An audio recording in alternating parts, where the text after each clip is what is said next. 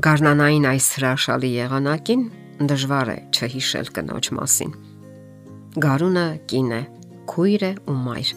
Գառնան բոլոր գույներն ու հրապույրները կնոջ մեջ են։ Ու նաև դրանով են նրանք ավելի սիրելի։ Գեղեցիկ ավանդույթ է դարձել մեկ ամիս շարունակ կանանց մեծարելը,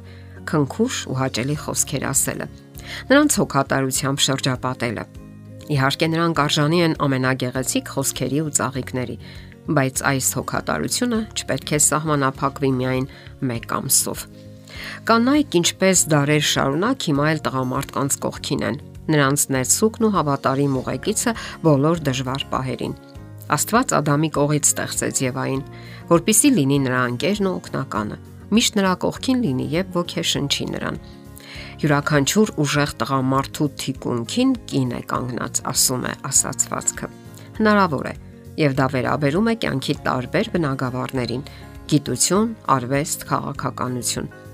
Անգնահատելի է կանանց դերը հասարակական կյանքում, սոցիալական կյանքի բոլոր ոլորտներում։ Այդպես եղել է եւ այդպես էլ կշարունակվի։ Աստվածաշնչում բավականին հետաքրքիր պատմություններ կան կանանց վերաբերյալ։ Իրենց հոգևոր կյանքի փորձառություններով նրանք մեծ ազդեցություն են ունեցել հասարակական կյանքի հոգևոր ոլորտում։ Նրանք շատ են, բոլորի մասին հնարավոր չէ խոսել։ Հիշենք Աբ รา համի կնոջը Սարային, Մովսեսի քույր Մարիամին, Հակոբի կին Ռաքելին, ապա Ռահաբին, Դեբորային, Աննային, Աբիգեյային, Հովանես Մկրտչի մայր Եղիսաբեթին։ Ոմանց մասին ընդհանրապես համառոտ ու հպանցիկ ակնարկ կա, իսկ երկուսի անուններով նույնիսկ երկու ամբողջական գիրք կա՝ Հռութ եւ Եսթեր։ Հռութի գիրքը այրեացած հեթանոս կնոջ պատմություն է։ Ամուսնու մահից հետո նա չի լքում սկեսրոջը, իր հավատարմությունն է հայտնում Աստծուն եւ միանում նրա ժողովրդին։ Եստերի գիրքը նկարագրում է օտար երկրում հորեղբոր տղայի խնամակալությամբ մեծացած կնոջը, ով բարդ իրադարձությունների արդյունքում Աստծո կամքով դառնում է թագուհի, բայց նա չի մոռանում իր ցակումը, չի մոռանում, որ պատկանում է Աստծո ժողովրդին։ Նրա շնորհիվ Իսրայել ժողովուրդը Պարսկաստանում փրկվում է մեծ արհավիրքից։ Աստվածաշնչում կարդում ենք եւս մի ուշագրավ անznավորության մասին Դեբորայի։ Այդ ժամանակ Իսրայելում դատավարություն էր անում Դեբորա Մարգարեուհին։ Իսրայելի ворթիները գնում էին վեր նրա մոտ դատաստանի համար։ Դեբորան նաև առաջնորդեց Իսրայելին, որpիսի աներկյուղ մարտը չի ճշնամու զորավար Սիսարայի բանակի դեմ, եւ այդ մարտը ավարտվեց հաղթանակով։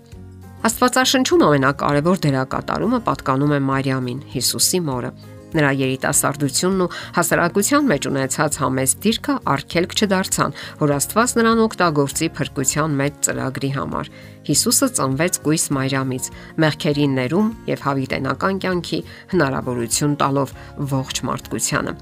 Կարևոր էր նաև Հիսուսի վերաբերմունքը կանանց հանդեպ Մենք տեսնում ենք, թե Հիսուսը ինչպես էր շփվում նրանց հետ եւ ինչ դեր ունեցան կանայք նրա ծառայության մեջ։ Հետևելով Քրիստոսի երկրային ծառայությանը, մենք տեսնում ենք նրա վեհացնող վերաբերմունքը կանանց հանդեպ դա նորարարություն էր եւ այդ ժամանակների համար հեղափոխական մոտեցում, երբ կանայք ցածր էակներ էին համարվում տղամարդկանց համեմատ։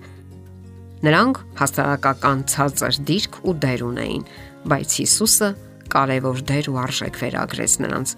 Ղուկասի ավետարանում կարդում ենք. Դրանից հետո նա շրջում էր քաղաքից քաղաք եւ գյուղից գյուղ, քարոզելով եւ Աստծո արխայությունն ավետելով։ Նրա հետ էին նաեւ 12-ը, մի քանի կանայք, որոնք բժշկվել էին չար ոգիներից եւ հիվանդություններից։ Մարիամը, որ Մագդաղենացի էր կոչվում, որից 7 դև էր դուրս եկել։ Հովհաննան, Հերովդեսի տան տեսուչ Քուզայի կինը, Շուշանը եւ շատ ուրիշներ, որոնք իրենց ունեցվածքով ծառայում էին նրան։ Սա իսկապես զարմանալի փոփոխություն էր այն ժամանակվա ազգային ավանդական սովորությունների հանրանկարին։ Կանայք առաջինն էին, որ Հիսուսի գերեզմանից քարը գլորված գտան։ Նրանք վերադարձան եւ 11-ին ու մնացածին հայտնեցին այդ լուրը, դառնալով առաջինը, որ հրճակեցին Հարության ավետիսը։ Սամարացի կինը ջրհորի մոտ հանդիպեց Հիսուսին եւ լսելով փրկության լուրը անմիջապես վազեց գյուղ եւ բոլորին պատմեց Օծյալի մասին։ Հիշենք երկու քույրերին, Մարթային ու Մարիամին, որոնք տարբեր բնավորություն ունեին։ Երբ Մարթան բողոքեց, որ Մարիամն իրեն չի օգնում խոհանոցում, Քրիստոսը հավանություն տվեց Մարիամի արարքին եւ նշեց, թե իսկապես ինչն է կարևոր կյանքում։